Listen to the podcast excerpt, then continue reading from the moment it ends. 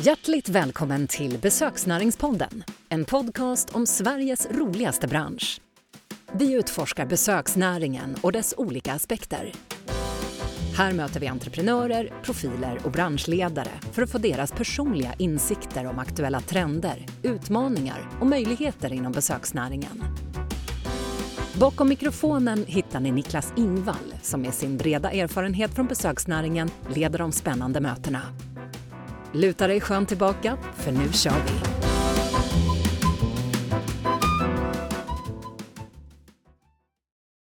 Då säger jag hjärtligt välkommen till Besöksnäringspodden till Johan Sör, Tack så mycket. vd för First Camp. First Camp, jag tänkte, det är ett väldigt bra namn. Det beskriver eh, väldigt bra och eh, liksom, klatschigt namn på en gång. Ja, nej men exakt. Vi gjorde ju en rebranding 2019 så vi hette ju Nordic Camping and Resort en gång i tiden, vilket inte var ett lika smidigt namn. Nej. Så sen blev det First Camp. Ja, snyggt. Och vi kan väl börja där tänker jag, för att placera First Camp på kartan. Liksom, vad är det för typ av bolag idag och vad gör ni helt enkelt? Nej, men det har ju hänt eh, jättemycket. Jag kom in som vd 2018. Eh, på den tiden hette vi som sagt Nordic Camping Resort. Eh, jag blev kontaktad om jobbet. Jag kunde inte, ingenting om bolaget. Som man alltid gör när man blir kontaktad så gick jag in på hemsidan nordiccamping.se. På den tiden var inte den stoltaste hemsidan. Det fanns mycket potential och det kan man se på två sätt. Antingen som att eh, det där vill jag inte befatta mig med eller så kan man se det som att nej, här finns en fantastisk möjlighet att utveckla någonting och bygga något unikt. Så det var så jag valde att se det. Så att det har varit en eh, väldigt spännande resa hittills. Vi har gått från 120 miljoner till nu drygt en miljard i omsättning Sen 2018? sen eh, 2017-18. Ja. Eh, Vi har gått in i Norge och Danmark också, så nu har vi snart 70 destinationer i Sverige, Danmark, Norge.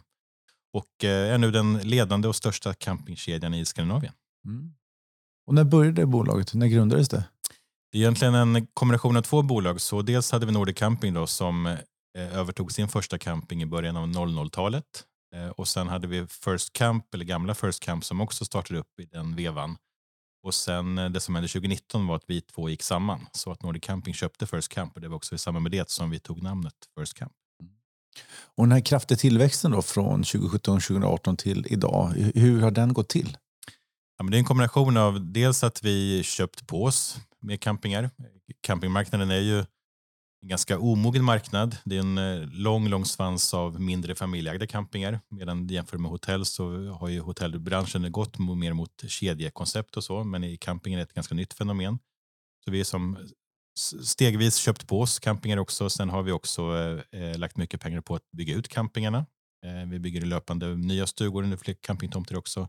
Och sen är det också organisk tillväxt. Eh, hela campingbranschen och även vi har ju haft en väldigt stark och stabil tillväxt nu. Eh, en liten dipp under pandemin, men inte alls lika djup dipp som hotell och flyg och charter, men annars en väldigt eh, stabil tillväxt.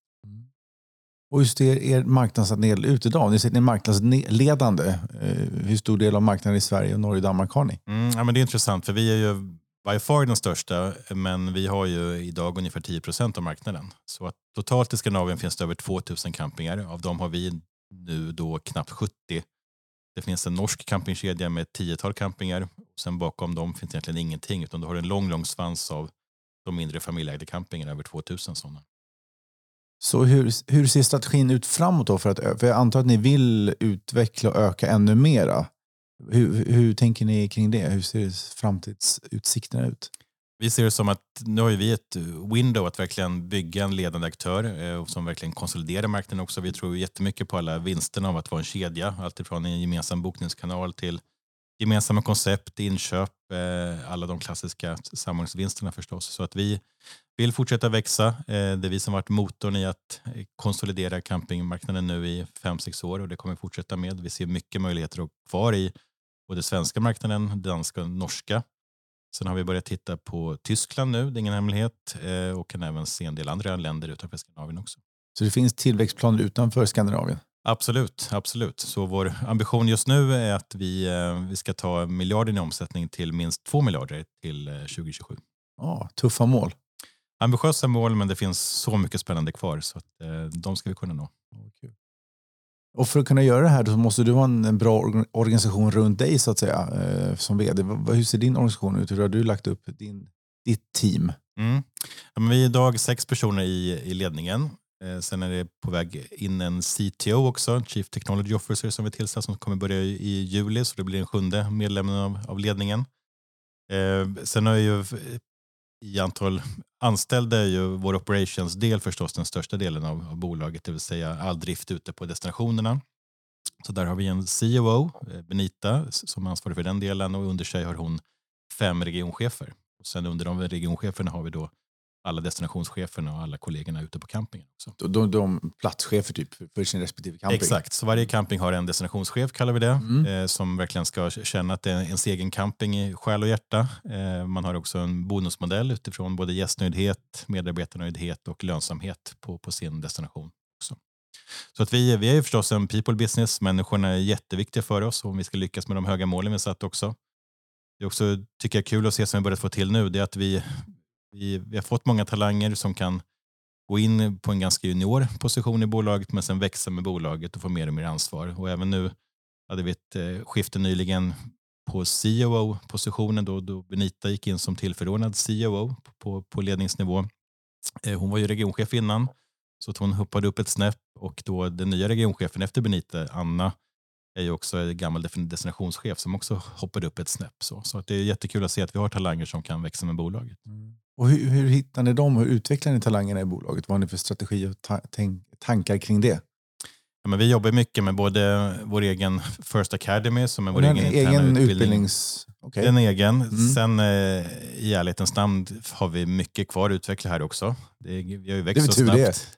Det. det är tur det, men vi har ju växt så snabbt så att jag brukar ibland använda liknelsen att vi, vi lägger asfalten medan vi kör husbilen. Ja, det är så pass. Vi har växt ja. så snabbt så att allt har inte hunnits med på en gång. Eh, för kanske tre år sedan hade vi ingen First Academy alls. Men nu har vi en sån, men gör det mest med intern, interna resurser. Men, men, det är klart att det är någonting vi kan utveckla mycket, mycket mer också. Så, så vi jobbar mycket med den delen. Vi jobbar mycket förstås med att hitta rätt folk. Um, och sen, sen tror vi mycket på att tillsätta unga hungriga personer som kan växa med bolaget och få mer och mer ansvar när man bevisat sig också löpande. Mm. När du klev in då 2018, fanns det ett väldigt tydligt tillväxtmål? Är det någonting du som, själv, som du själv har skapat eller var det ägarna som sa till dig att nu ska vi växa från x antal miljoner till en miljard? Ja, men det fanns ju en plan. Eh, vår huvudägare idag, Norvestor, eh, kom in 2016. Eh, de är en private equity-fond. Och som, den typen av fonder har ju ofta en ambitiös agenda på, på tillväxt också. Så de målen fanns. Eh, sen, eh, det vi sen lyckades, eller lyckats nå hittills i, i omsättning och tillväxt är ju ännu bättre än vad Investor hade i sin plan också, vilket är jättekul.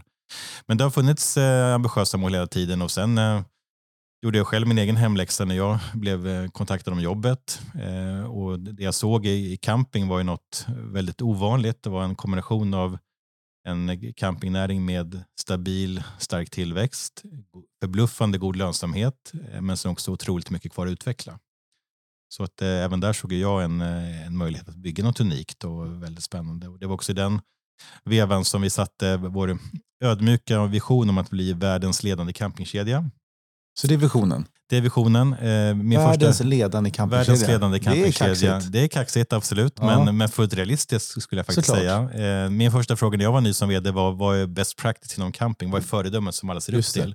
Som i Ikea eller Tesla som, som många ser upp till. Men det fanns ju inget sånt föredöme i campingvärlden. Eh, och tittar utomlands så finns det ett globalt 10-15-tal större campingkedjor idag. Vi är en av dem. Men det är ingen av de 15 skulle jag säga som är, sticker ut som föredömet för alla. Nej. Så det var så tankarna föddes också. Så ni vill bli, bli föredömet? Ja. Det är vi som ska bli föredömet. Vi kommer inte, sen kan man läsa in olika saker i vad innebär världens ledande. Det, det innebär inte att vi kommer ha alltid de lyxigaste campingarna eller så, men det, kommer, det ska betyda att vi ska vara föredömet i vårt sätt att jobba. Eh, I vårt sätt att jobba med allt från innovation, digitalisering, hållbarhet och mycket annat också. Men den strategin, den visionen, var någonting som du tog fram under ditt ledarskap? Tankarna började födas när jag var ny och såg att det fanns ingen, ingen som tagit den positionen i globalt. Sen gjorde vi i samband med varumärkesbytet till First Camp hösten 2019 var det, så gjorde vi ett större jobb i hela teamet då vi satte den visionen också. Mm. Och också jobbat med era kärnvärden? Och... Exakt, det var då vi satte hela den plattformen. Ja, hur ser det eh, ut nu då? Vad, är det för, mm. vad jobbar ni med för kärnvärden?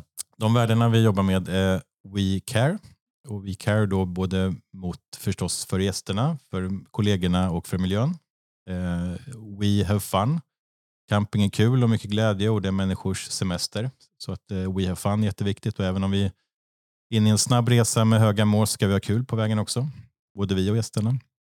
We Simplify är vi också ganska besatta av. Vi vill förenkla både för oss själva och gästerna och det kan vara ifrån hemsidan vi, vi byggt upp som ska vara den både största och enklaste bokningskanalen för camping i Skandinavien. Eh, men också i vårt eget sätt att jobba internt också. Ehm, och sen har vi den sista men eh, minst lika viktiga, We Deliver Results. Eh, allt vi gör ska i slutändan ge resultat både för oss själva och för gästerna och för ägarna. Mm. Och hur arbetar du då i ditt arbete för att få ut visionen och värderingarna? Hur, hur, hur lyckas du med det? Mm. Ja, men det är något man måste nöta hela tiden. Eh, och tar man visionen då, världens ledande campingkedja, så är det någonting jag tycker som satt sig väldigt väl. Det är många som känner den fastnar sig väldigt inspirerande. Det, det glömmer man inte bort det första taget. Exakt, och jag tycker att det är klart att i vissa bolag ibland kan man lätt gå i fällan att sätta en, eh, en lite fluffig vision som mm -hmm. det mhm. kanske inte ligger så mycket bakom egentligen. Men jag tycker att värdet med den visat också, det är att det finns substans bakom. Det finns en tanke och det finns liksom också en eller vi är övertygade om, jag är övertygad om att vi kan också nå den positionen. Eh, så, det är ett konkret mål helt enkelt. Mm. Så att eh, hela tiden nöta det och också lyfta exempel. Alltifrån, nu har vi senaste åren infört en del AI-teknik för både vårt sätt att jobba med revenue management, vårt sätt att jobba med digital marknadsföring.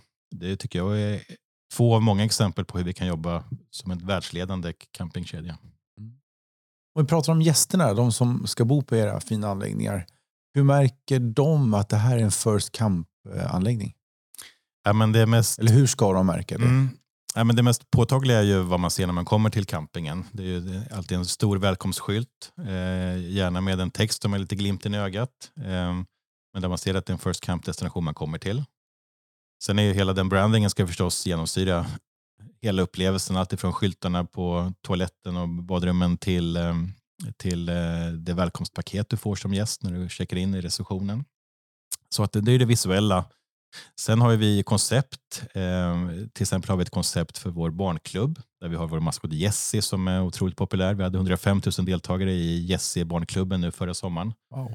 Eh, man kan gå, gå på campingen och se. Men det är, för, det är någonting man köper till extra som gäst eller ingår det? Ingår. Det ingår, det ingår. konceptet? Ja. Jag har själv stått på, på campingen och ser när Jesse går igenom campingen på väg till sin egen show. Så det är en figur vi pratar om det är en figur. Ja. Det är en figur. eh, och hon går som en popstjärna på campingen och alla vill ta selfies med henne och, och klappa, klappa henne och så. Så att det otroligt viktig del av mm, gästupplevelsen mm. för de mindre gästerna förstås också. Så det är ett exempel på ett koncept vi har. Eh, sen har vi inte alla koncept på alla destinationerna men just fallet med Jessie och Barnklubben så finns den på ett 40-tal destinationer. Mm. Men andra saker, så är grundsaker som alltid ingår hos er i form av eh, reception, nämnder, finns det andra saker som alltid ska finnas på en First Camp camping? Eh, nej, men sen har vi det digitala. Då. Du ska kunna boka alla First Camp-destinationerna på samma hemsida, firstcamp.se, som vi nu byggt upp till den största bokningskanalen för både camping och stugboende i Skandinavien. Det ska vara den smidigaste hemsidan också, eh, där du också kan tjäna bonuspoäng. Eh, vi är faktiskt ensamma om, så vitt jag vet, i, i Skandinavien i alla fall, inom camping, att ha en bonusklubb där du kan tjäna och använda poäng. Så det ingår i alltid att kunna tjäna poäng också. Och sen har vi även nej, andra koncept som är synliga för gästen. Ett eh, bistrokoncept eller food and beverage-koncept. Eh, där vi har vår egen First Camper Bistro till exempel. Så att, eh, och det är som i alla kedjor, nyckeln är att hitta ett sätt att vårda de lokala särarterna på varje camping, för varje camping är ändå unik. Eh, men också som hitta just samordningsvinsterna. Vad är First Camp man alltid möts av på en First Camp-destination och också kunna jobba internt på ett sätt som gör att vi kan fånga samordningsvinsterna. Mm. Och viktigt är, du nämnde lite med, med poäng och så, men hur jobbar ni med lojalitet generellt för att få kunderna och gästerna att återvända just till era anläggningar? Gör ni, hur gör ni det? I det? Mm. Ja, men det är något som är i sin linda än skulle jag säga. Vi eh, har ju haft Bonusklubben några år nu där du kan, som på flyget och matvaruaffären också kan tjäna poäng och använda poäng. Eh, sen gjorde vi en upgrade av den nu för ett år sedan så nu har vi även en guldnivå för de mest lojala gästerna så att du kan bli guldmedlem hos oss och då får du extra förmåner också. Eh, det vi gör nu också faktiskt som vi sitter med, alltså, så sen som idag hade vi ett möte om det, är ju att vi eh, förbättrar systemstödet för det. Så nu inför vi ett omfattande CRM, system nu i vår som också ska hjälpa oss att automatisera ännu mer av, av gästlojalitetsarbetet också. Mm. Vad, får, vad tror ni kommer få för effekt av det? Eh, nej men mer lojala gäster, eh, också att vi kan få ner vår egen marknadsföringskostnad eh, och också att vi kan fortsätta öka medlemmarna in i First Camp Club som ändå är som en väldigt förmånlig klubb att vara med i och tjäna poäng i. Pratade om möjligheter framåt där genom förvärv och organisk tillväxt och sådär. Eh, vilka andra möjligheter ser du framåt för bolaget? Men en jättemöjlighet jag tror mycket på det är att, att också omdefiniera lite vad är camping. Eh, jag tror att eh, till att börja med så är det en miljon svenskar som campar årligen. Mm. Så att det är väldigt viktigt för många människor. Men jag tror också ganska många som idag inte besöker en campingplats tänker på camping som husvagns, eller husbils eller tältboende. Och de delarna är jätteviktiga för oss också och det är ändå en stor del av vår gästvolym också. Men vi har också väldigt mycket stugboende. I hela kedjan har vi mer än 2000 stugor. Mm. Eh, nästan halva vår intäktsbas är stugboende och inte, inte campingboende. Så att jag tror att en stor möjlighet för oss är att få ut budskapet om att eh, hos oss kan du även bo i stuga. Du måste inte ha egen husvagn. Många av stugorna har havsutsikt, sjöutsikt. Eh, som vi var inne på så det ingår egentligen allt. Vattenland, barnklubb, kvällsunderhållning, yoga. Så mycket av eh, erbjudandet mot gästen är ju detsamma som du skulle få om du åker på en charterresa till en resort vid Medelhavet. Så att, eh, att få ut det budskapet eh, och med visionen om att alla, inte minst barnfamiljer i Skandinavien, ska ju egentligen kunna tänka sig att bo på en First Camp-destination. Där har vi en fantastisk potential förstås också. Mm. Vi är ju idag mer och mer kända som ett campingvarumärke, men just att vidga varumärket och även bli mer av ett eh, semesteralternativ för alla. Där tror jag jättemycket potential finns kvar. Mm. Det är ju en ganska intressant jämförelse med, med charten där. För det är klart, det, då blir det ett väldigt tydligt alternativ till chartern om, om man paketerar på det sätt som du berättar om, allt från barnklubbar till eh, måltider mm. och, och sådär. Så det är, det är en väldig möjlighet kan jag tänka mig. Den är jätteintressant och mm. jag tror än idag kanske det finns hos vissa en bild av camping som är husvagn vid en, på en plätt vid en sjö och inte så mycket mer. Men som sagt, en camping idag har ju ett otroligt omfattande utbud. Eh, och så. Och som sagt, du får ungefär samma saker på en campingsemester på många av destinationerna som du får på en charter resort. Mm. Eh, så det budskapet eh, kan vi få ut ännu mer. Mm. Och sen också eh, fördel med camping också att du får väldigt, väldigt mycket för pengarna. Särskilt i de här tiderna förstås är det extra aktuellt. Jag satt och jämförde nu förra veckan och såg att tittar man på vecka 29 som ändå är vår peak peak vecka mitt i sommaren. Så även om du skulle boka en familj en vecka i den dyraste stugan vi har i hela kedjan, då får du en sexbäddarstuga med havsutsikt, barnklubb, vattenland, alla de delarna den dyraste veckan kostar lika mycket som den billiga billigaste charterveckan jag lyckades hitta samma vecka. Mm. Och då är det ett tvåstjärnigt hotell på en bakgata på en charterresort. Mm. Så att mm. även värdet för pengarna är väldigt högt också. Ja. Ja. Det är möjligheterna. Sen finns det säkert också risker och utmaningar som du ser framför dig. Vad, vad kan det vara för något? En, eh, en utmaning förstås för alla och även i besöksnäringen nu det är ju ekonomiska läget här och nu med kostnadsinflation och allmän osäkerhet i världen. Eh, så det tycker jag vi måste vara ödmjuka för också. Att eh, vi vet ju inte exakt hur kommande sommar kommer bli. Eh, nu ser vi bokningsläget ser det ganska ljust ut. Vi hade ju 2022 som var all time high, fantastiskt år. Mm. Just nu ligger vi ännu bättre till än vad vi gjorde 2022. Så, så det ser lovande ut, men det är klart att vi ska vara ödmjuka för, för det läget också. Att många hushåll har mindre pengar att lägga på semestern. Samtidigt ser vi också att tittar man tillbaka i tiden så även i ekonomiskt osäkra tider så har camping stått sig väldigt, väldigt väl. Kanske tillbaka till att man får väldigt mycket för pengarna. Man kanske inte vill lägga pengarna på att åka en vecka på charterresa till Medelhavet utan ta in på camping istället och du får väldigt mycket mer för pengarna. Mm. Att, eh, på så sätt kan till och med campingnäringen gynnas av eh, läget just nu och att eh, även nya gäster upptäcker camping. Men det är klart, en utmaning, en annan utmaning är ju förstås eh, säsongsbemanning. Eh, vi såg i 2022 att hela besöksnäringen kom tillbaka som vanligt efter covid, pandemin. Det var svårt att hitta folk, inte minst eh, till exempel kökspersonal.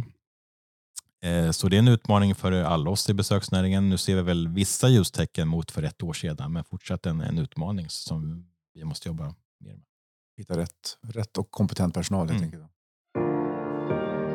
Upptäck din partner för rekrytering i besöksnäringen. Growizit är specialiserade experter och har erfarenhet från alla roller inom branschen och rekryterar både ledande, administrativa, säljande och operativa tjänster. Rekrytering, executive search och interimslösningar kan Growizit på sina fem fingrar. Välkommen till Growizit. Vi rekryterar för besöksnäringen. En annan sak som jag tänkte på när du berättar här, det är ju miljö och hållbarhet tänker jag också. Alltså jämfört med att flyga då ner till Medelhavet kontra att ta tåget eller kanske sin elbil eller vad man nu väljer att till en av era campingplatser. Det måste också vara ett argument tänker jag för er. Absolut, och det ser vi att många av gästerna blir mer och mer medvetna om det. Vi ser också att förstås att klimatpåverkan av att eh, ta in en vecka på camping är förstås då mycket, mycket lägre som du är inne på än att flyga till Medelhavet. Så det tyckte jag vi såg redan innan pandemin att det, det fanns ett sånt ökat fokus. Eh, vi såg under pandemin att många stannade hemma, upptäckte camping och valde att inte flyga till Medelhavet. Eh, och vi ser nu tecken på att de gästerna också stannar kvar hos oss. Arbetar ni själva med hållbarhet? Absolut, absolut. Dels har vi ju Green Key-certifiering då på, på destinationerna. Så det innebär ju att det görs en ordentlig genomlysning av vårt miljöarbete på en destination. Alltifrån vattenkonstruktion och eh, vi till och med väver in hållbarhet som ett tema i barnklubben så vi kan hjälpa till att utbilda de yngre gästerna i hållbarhet. Sen tycker jag det är viktigt att ha med sig att hållbarhet är förstås den miljömässiga delen som är nog så viktig. Sen har du två delar till av hållbarhet som vi tänker på. Det. Dels har du social hållbarhet. Vi ska vara en seriös och professionell arbetsgivare. Vi ska ta hand om medarbetarna, vi ska vara professionella. Till exempel gör vi, vi under sommarsäsongen veckovisa medarbetarundersökningar så kan vi snabbt få en pulscheck på hur kollegorna mår och om vi måste förbättra något snabbt. Det är så otroligt mycket av intäkterna av gästerna som kommer under några få veckor så då måste vi verkligen som dag för dag stå på tårna och även som säkra bästa möjliga arbetsmiljö också. Så de delarna tittar vi mycket på. Och sen förstås också ja, ekonomisk hållbarhet. Vi ska vara ett eh, bolag med stabil och sund lönsamhet i botten. Vi är också ett bolag som inte gör någon utdelning till aktieägarna utan allt överskott vi gör eh, går tillbaka in i verksamheten. Mm. Det är alltid så? Det är alltid så. Ja. Spännande. Jag tänkte vi skulle prata lite om dig och ditt ledarskap. Du har varit här i det är fem år snart. då. Fem år, det är femårsjubileum om en månad. Jubileum, ska ni fira? Är det tårta? ja, exakt. Jag får käka tårta med familjen om inte annat. Nej, men jag ja. tycker jag har ett otroligt spännande jobb. Ja, och ja. Det känns lite som en once in a lifetime, liksom att just vara med och verkligen bygga ett bolag som är motorn i hela campingbranschens utveckling. Och där, där vi gjort mycket, vi har växt snabbt och tiofaldigat storleken på bolaget på fem år nu men ändå finns det så mycket kvar att fortsätta utveckla och förbättra. Men skulle du kunna ta med oss på en resa från eh, när du började jobba tills idag? Hur, mm. hur liksom har vägen varit? Har den varit spikrak, krokig, eh, mycket gupp? Eh, mm. Berätta. Mm. Men jag, eh, jag pluggade ekonomi. Så mitt första jobb när jag gick ut eh, skolan var som managementkonsult. Var pluggade du då någonstans? Eh, jag pluggade på Handels i Stockholm. Mm.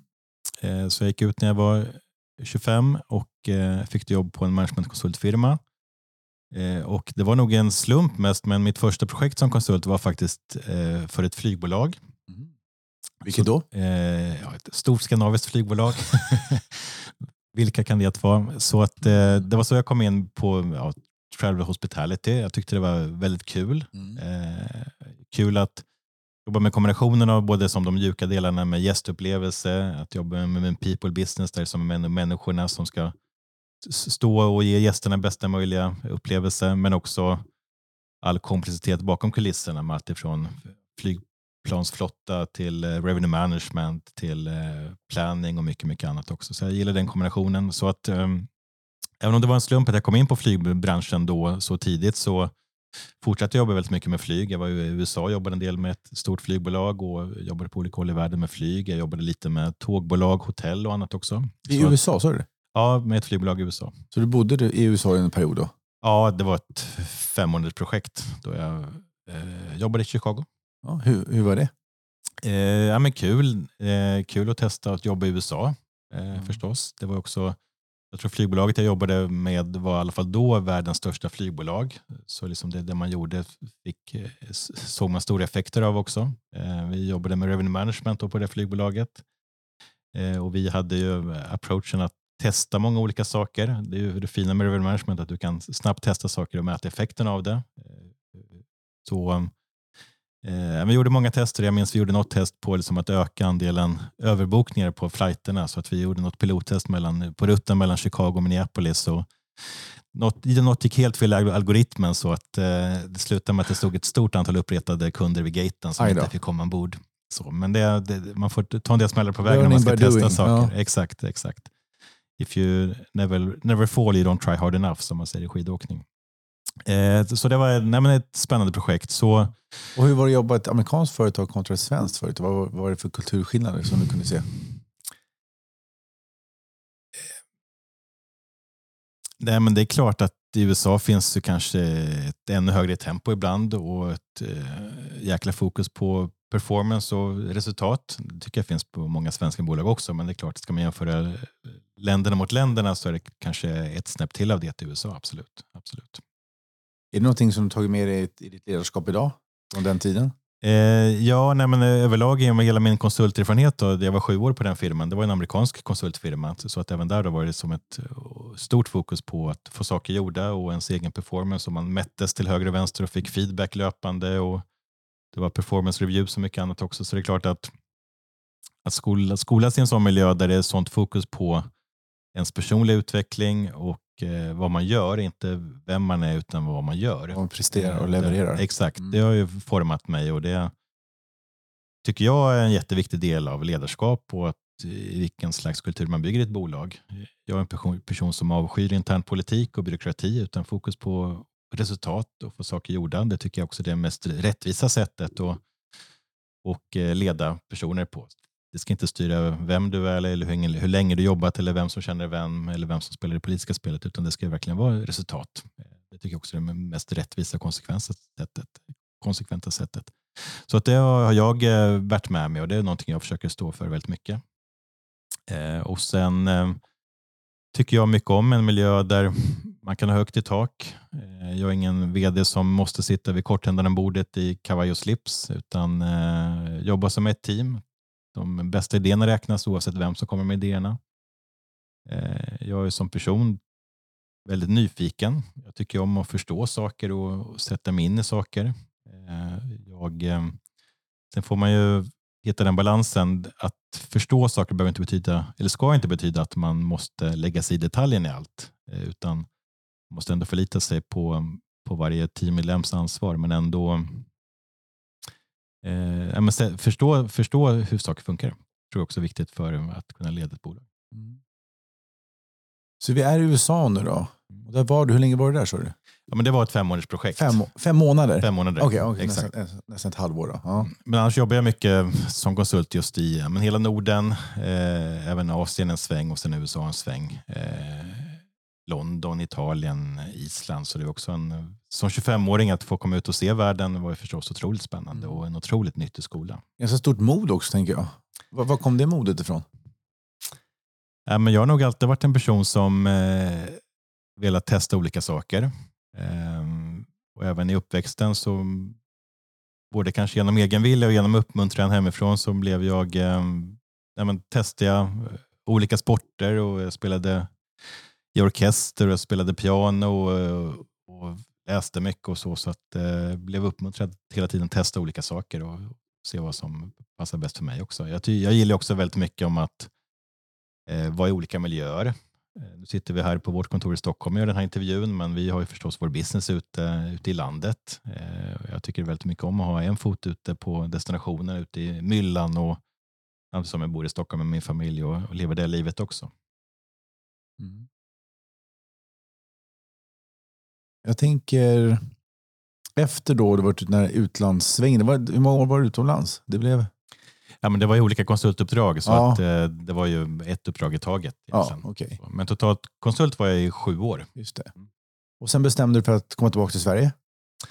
Eh? Ja, nej, men sen när vi är inne i 2012 så eh, var jag ganska mätt på konsultlivet. Mm. Det hade varit en eh, fantastisk skola, otrolig utveckling och som sagt tra- Travel Hospitality eh, var någonting jag jobbade väldigt, väldigt mycket med på olika sätt under de sju åren. Eh, så sen blev jag kontaktad om eh, ett jobb på MTR som då hade funnits i Stockholm sedan eh, två år tillbaka. Man hade övertagit kontraktet för att köra tunnelbanan i Stockholm. Eh, men man ville växa med i hela Norden. Eh, och så Och jag, MTR är väl ett Hongkong-baserat företag? exakt. Exakt. Som Så- då driver bland annat Stockholms tunnelbana. Exakt. På den tiden var det tunnelbanan, man ville växa i Norden och eh, mitt ansvar blev att eh, leda den tillväxtagendan Norden. Mm. Så att, eh, och på den agendan fanns ju både att överta nya kontrakt, så till exempel kör man ju nu även pendeltågen i Stockholm, som också är ett väldigt stort kontrakt, ett upphandlat kontrakt. Eh, Men sen såg vi också som en del av tillväxtmöjligheten att i samma veva hade Eh, svenska marknaden för tågtrafik öppnats upp för konkurrens. SJ hade haft monopol i 150 år, eh, men nu hade man öppnat upp det så att eh, egentligen vem som helst kunde starta tågtrafik på vilken linje som helst i landet. Och det är klart att där såg vi en möjlighet och det här är ju någonstans 2012 då SJ hade fått ett antal törner också i media. Som allmänhetens eh, bild av SJ var nog ganska naggad i kanten då också, så det är klart att det spädde på vår bild om att eh, det fanns en möjlighet att ta en eh, annan position i marknaden och starta upp ett, en konkurrent till SJ. Så jag började jobba mycket med det, eh, vilket var otroligt kul. Det var alltifrån att liksom, ja, designa tåg, sitta, i början var vi inte så många i teamet så vi satt själva och gjorde som alla schemana för lokförarna och tågvärdarna. Vi ville också verkligen ta möjligheten att bygga något unikt och bygga någonting som var den snabba startupen. Eh, så att vi hade ju auditions för lokförarna, vilket ju förstås var väldigt ovanligt. Eh, mycket av det vi gjorde gick ut på att stå för något helt nytt och annorlunda och som av göra tvärt emot mot vad SJ gjorde. Vad den gamla tågvärlden gjorde. Så att det var en otroligt spännande resa förstås. Och kanske också det bästa av båda världarna. Vi var ju som den lilla startupen, snabbfotade, nystartade, men ändå ägda av en stor Hongkong-koncern då, med allt det innebär i resurser och kapitalant också. Så eh, kanske intraprenörskap då, mer än entreprenörskap. Så att eh, sen satte vi upp det som ett eget dotterbolag inom MTR-koncernen. Och då gick jag in som vd i det dotterbolaget som hette då MTRX. Eh, eller MTR Express hette det på den tiden, men idag heter det MTRX. Så att, Och det är eh, de som har trafik mellan Stockholm och Göteborg. Exakt, exakt. Vilket ju var, vi kollade på olika linjer men vi såg ju snabbt att den med både största sträckan och den med absolut bäst lönsamhet eh, var i Stockholm-Göteborg. Så att det var givet att gå in på den linjen. Och då har du arbetat både för svenska bolag och amerikanska bolag och nu ett Hongkong-baserat bolag. Vad kan du se för skillnader där? Eller hur var det att arbeta för ett Hongkong-baserat företag? Ja, men jag gillade ju mycket, nu har det ju skett en politisk utveckling sedan dess som är eh, inte så sympatisk tycker jag. Men eh, annars gillade jag mycket att jobba i, i den Hongkong-miljön. Det var ju eh, hårdjobbande eh, personer, mycket fokus på även där följa upp nyckeltal och resultat, vilket är en miljö då som jag tycker om att jobba i. Eh, otroligt kvalitetsfokus, så eh, man är otroligt mån om kvaliteten i i operationen, både så punktlighet gentemot kund men också eh, intern effektivitet och säkerhet och alla de delarna. Så otroligt kvalitetsorienterat bolag också. Eh, så att en kul miljö att jobba i. Absolut. Och hur länge var du där på MTR Express? Eh, MTR, MTRX som det ska heta nu. Exakt, så jag var där totalt i fem år, så eh, till 2017. Just det. Och sen kom du hit. Hur, hur hamnade du på First Camp? Blev du kontaktad eller sökte du jobbet eller hur såg det ut? Jag blev kontaktad Mm. eh, och eh, som jag sa inledningsvis, eh, då hette vi Nordic Camping och som man alltid gör, man går in på hemsidan, nordiccamping.se på den tiden då och vi- ville läsa på lite mer. Jag kunde ingenting om bolaget och ju mer jag läste på desto mer taggad blev jag. Och jag såg ju just den, tyckte jag, väldigt ovanliga kombinationen av st- stabil tillväxt i hela campingnäringen, förbluffande hög lönsamhet men så mycket kvar att utveckla. Och ibland brukar jag jämföra med hotellbranschen för kanske 40 år sedan. Eh, hela hotellnäringen har utvecklats väldigt mycket sedan dess med både stora kedjor som bildas och professionalisering och digitalisering och det var egentligen samma utveckling jag såg att campingnäringen stod inför. vi kunde verkligen vara motorn i den utvecklingen. Och vad tror det, du att det var för egenskaper som såg hos dig som de gjorde att de valde just dig till det här jobbet? Då? Vad var det de såg?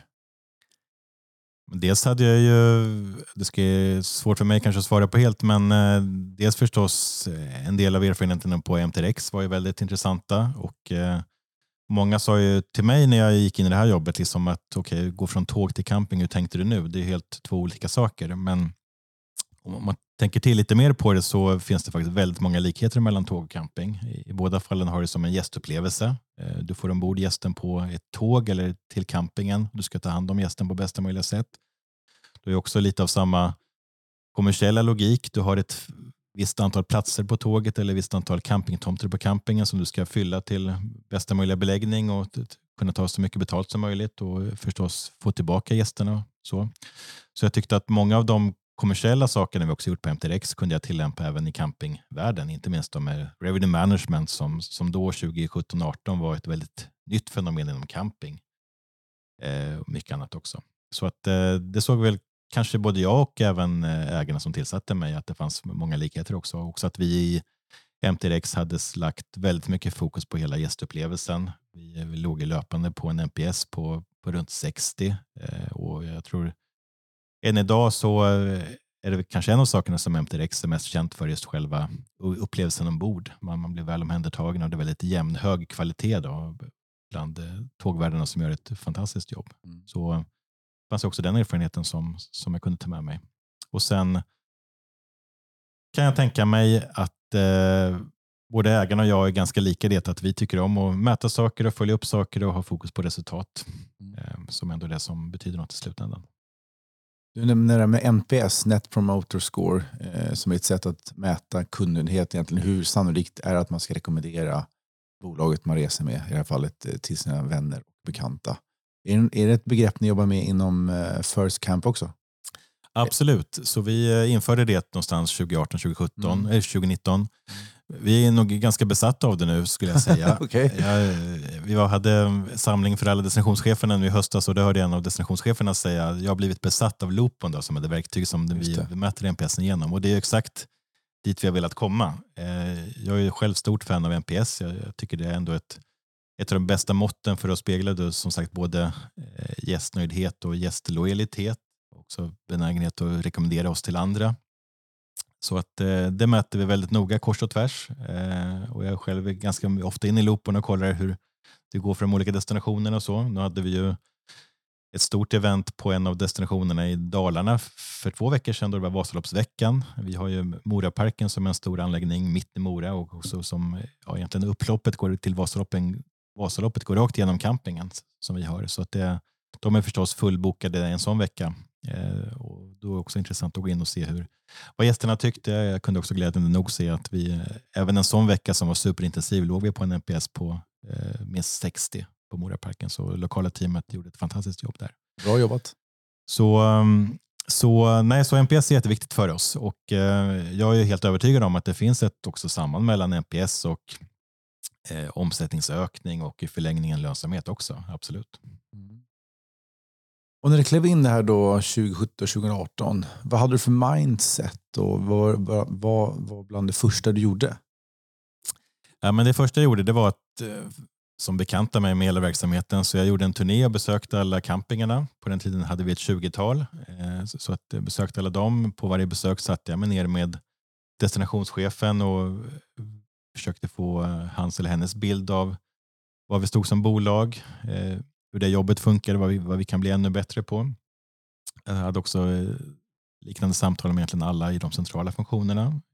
Så att då, på den tiden var vi inte lika digitala, men jag eh, begärde ut eh, jag tror 500 gästenkäter också som jag satt och plöjde igenom för att förstå vad som var viktigt för gästerna och så också. Så att första någonstans fem, sex veckorna gick jag åt mycket till att bekanta mig och sätta mig in i allting sånt och också gå in med en ödmjukhet om att ja, verkligen förstå och inte gå in med för mycket med en förutfattad mening. Så att det var första fasen. Efter den fem, sex veckors fasen så tyckte jag det fanns två tydliga saker som vi behövde ha fokus på. Nummer ett var att få, få lite mer stabilitet i bolaget. Även innan jag kom in var det ett bolag som hade växt ganska snabbt. Eh, och man får väl säga i ärlighetens namn att eh, mycket av strukturen hade inte hängt med i den snabba tillväxten. Även om vi på den tiden var en kedja med ett 20-tal campingar kanske vi i de interna processerna och systemstöd och annat var mer anpassade till en kedja med fem, sex campingar. Så att fokus nummer ett var att som sätta en plattform för att kunna fortsätta växa. Alltifrån byte av systemstöd till förbättra de interna processerna, eh, stärka upp teamet, utöka teamet och få igång ännu mer av att eh, mäta och följa upp hur de olika campingarna går i både NPS då, men även eh, medarbetarnöjdhet och lönsamhet och försäljning och mycket annat också. Så sätten som plattform var fokus nummer ett. Och sen fokus nummer två, det var ju att fortsätta växa. Att inte, även om vi hade ett ganska stort jobb internt att som sagt sätta en stabil bas så ville vi ju inte tappa tillväxttakten utan snarare öka den ännu mer. Så att fokus nummer två, minst lika viktigt, var ju att fortsätta växa både genom att fortsätta köpa campingar och sen fortsätta eh, växa organiskt. Mm. Och idag är det en stor verksamhet, hög omsättning, många medarbetare anställda. Hur jobbar du med ditt ledarskap? Vad är viktigt för dig i ditt ledarskap? Ja, men jag tycker väldigt mycket om när, att, att tillsätta duktiga, ambitiösa personer som ges väldigt mycket ansvar. Eh, och Sen finns jag gärna med ett halvt steg bakom för att stötta och utmana ibland och vara bollplank. Eh, men jag tycker väldigt mycket om när initiativ tas utan att jag behöver peka med hela handen och säga att vi måste göra det. Eh, och Det tror jag också är ett sätt att få eh, människor att växa. Eh, också att få mycket eget ansvar, slängas ut på djupt vatten och sen kan jag gärna finnas med två steg bakom med livbojen om det behövs men ändå försöka ta de eh, första egna simtagande så man lär sig simma. Så det är en del tycker jag. Sen behövs det ändå någon slags uppföljningsmekanism också och då jobbar jag med två saker till de eh, personerna jag har i mitt ledningsteam. Dels så har ju varje person ett eh, sätt av nyckeltal som, eh, som man förstås följs upp på. Och dels så sätter jag en halvårsvis till aktivitetsplan tillsammans med varje person på vad man ska åstadkomma kommande sex månaderna. Och sen går vi igenom den löpande också. Så det är väl de två mer formella mekanismerna. Men som sagt, jag tror ju väldigt mycket på all den energi du kan skapa genom att ge mycket eget ansvar, eh, försöka vara tydlig med vart vi ska. Och det som det överordnade är att vi ska bli världens ledande campingkedja och sen har vi några mål på vägen också och även eh, vad vi ska nå i storlek och så om x antal år. Men när man väl satt de huvuddragen, liksom att ändå ge mycket ansvar ut till organisationen och det så du kan få loss en jäkla energi när ambitiösa, duktiga personer får så pass mycket ansvar. också. Är det något i ditt ledarskap som du vill utveckla eller förbättra som du känner att det här vill jag bli bättre på? Det finns det hela tiden. Mm. Det är helt säker på. Jag har säkert gått eh, eller gjort många av samma misstag som alla gör som nya ledare. Nu ändå, men nu har jag ändå varit vd i 8-9 år så att det, det, är klart jag har lärt mig mycket på vägen. Vad var det för misstag? Nej, men jag tror i början så um, ett klassiskt misstag som jag absolut själv gjorde det var att man man måste ha alla svar själv, att man är kanske lite för mycket inne i detaljerna. Eh, ibland har lite svårt för att släppa kontrollen och delegera ännu mer. Eh, det var jag absolut, eller gick i samma fälla när jag var ny som vd, mitt första jobb. Eh, absolut. hur, hur tog det sig uttryck? Eh, ja, men jag tror mycket på att Ehm, man behöver inte som ge svar själv utan ställa frågorna istället. Ehm, men kanske i början så var det mer att jag själv gav svar innan jag ens gav möjlighet till en kollega att själv komma med ett svar och så kan jag ställa frågorna istället. Något annat som du känner att du vill utveckla? Ja, men det, det jag går och tänker på hela tiden eh, i takt också med att vi växer det är ju hur kan vi geara organisationen ännu bättre till, till vår tillväxt? Hur kan vi, behöver vi komplettera teamet med någon kompetens? Eh, har vi liksom ett talanginflöde? Har vi som personer som kan få mer ansvar att växa i bolaget? Eh, som allt som är kopplat till talent management, organisationer så går jag väldigt mycket och tänker på och hur kan jag eh, bidra ännu mer till att vi, eh, vi når de mål vi ska genom att ha rätt människor på rätt plats. Och det är en ständigt pågående diskussion i mitt eget huvud och i hela teamet också förstås. Absolut. Um, sen uh, tycker jag väldigt mycket om att vara ute på campingarna. Det, så tycker jag man lär sig mycket på det. Um, och eh, nu har jag jobbat i fem år snart. Jag har besökt alla destinationer vi har idag och jag tycker än idag när jag besökte en camping så har jag med mig tio lärdomar efter det besöket som gör att vi kan fatta ännu bättre beslut centralt också i ledningen. Mm. Men där vill jag alltid gärna komma ut ännu mer på campingarna. Eh, så. Sen är det lite årsbundet också för nu har vi nu är vi på väg in i sommarsäsongen och det är klart att då är jag ute mycket på campingarna men kanske i januari så blir det mindre besök. Det en fråga jag hade, hur såg campingerfarenheten ut innan du tillträdde? Har, har du campat själv mycket? För hade du liksom någon typ av egna erfarenheter kring det?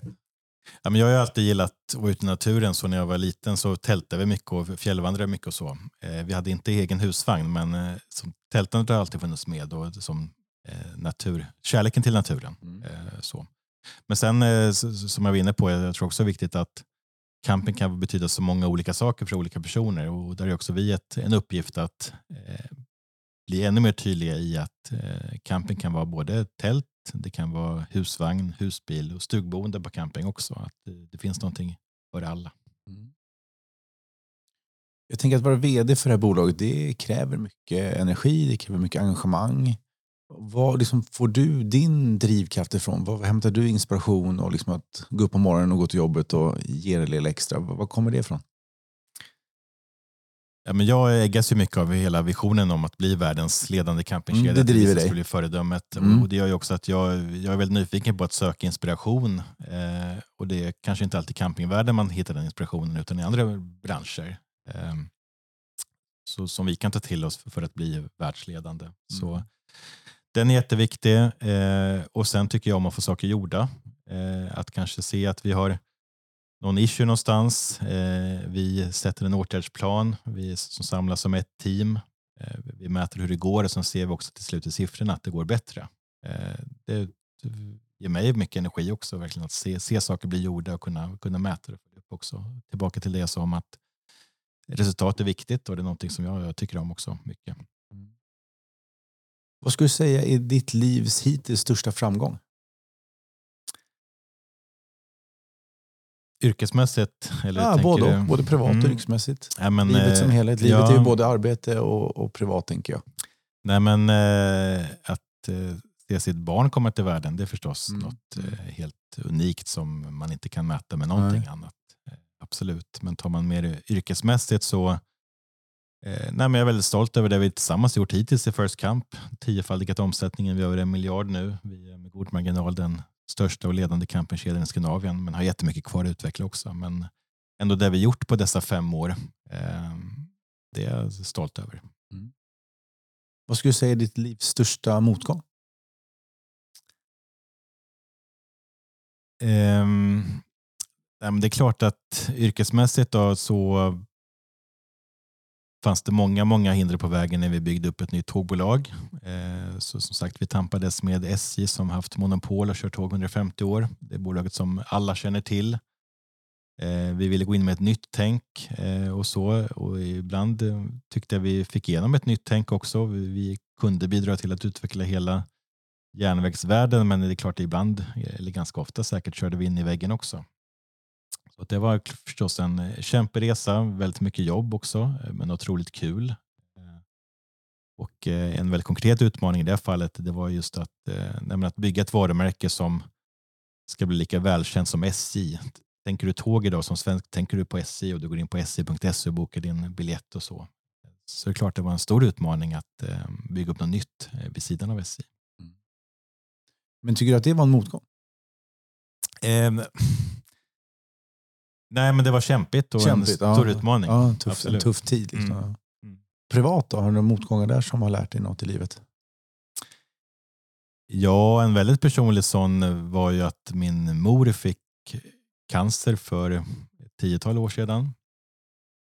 Och det är en förfärlig sjukdom och eh, eh det gick upp och ner under de tio åren. Och, eh, och sen eh, Eh, sen gick hon bort nu i ehm, förra sommaren. Så eh, det är klart att det var både tufft för mig och hela familjen. Hon var inte så gammal då man Hon eh, var 75. Så förstås väldigt tufft och jag hade en väldigt, väldigt god relation med min mamma. Och det var kämpigt, absolut. Och vad tar du med dig? Vad har du lärt av den tuffa tiden?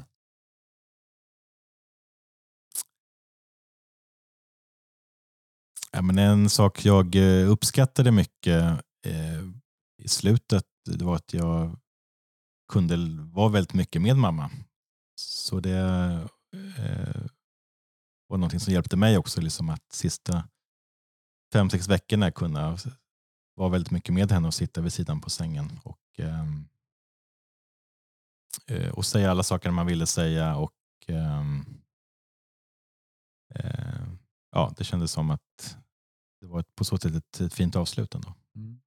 Att det, ja, och det kan man ju aldrig få för mycket av egentligen som att umgås med sin familj och ta hand om sina nära och kära förstås också. Även om det i vardagslivet är mycket annat som också ska ges tid. Så att eh, alltid ta sig den tiden också. Mm. Du har nämnt familjen förut och sagt att det är viktigt för dig. Hur hittar du, som sagt det är ett stort ansvarsfullt arbete som du har som tar mycket tid, mycket kraft och mycket tankeverksamhet kan jag tänka mig. Hur hittar du den där balansen? Vad har du för eh, strategi eller knep för att göra det? Ja, men det tycker jag att jag har hittat en modell för nu. Nu har jag ändå jobbat så pass länge så att man, jag har hittat vad som är viktigt för mig. Så att eh, det jag behöver en vanlig vecka det är att få minst en löptur.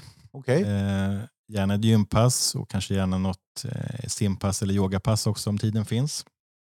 Eh, jag behöver musik. Eh, själv spelar jag piano på amatörnivå som man antingen spelar själv eller lyssnar. Det får jag både energi och avkoppling av.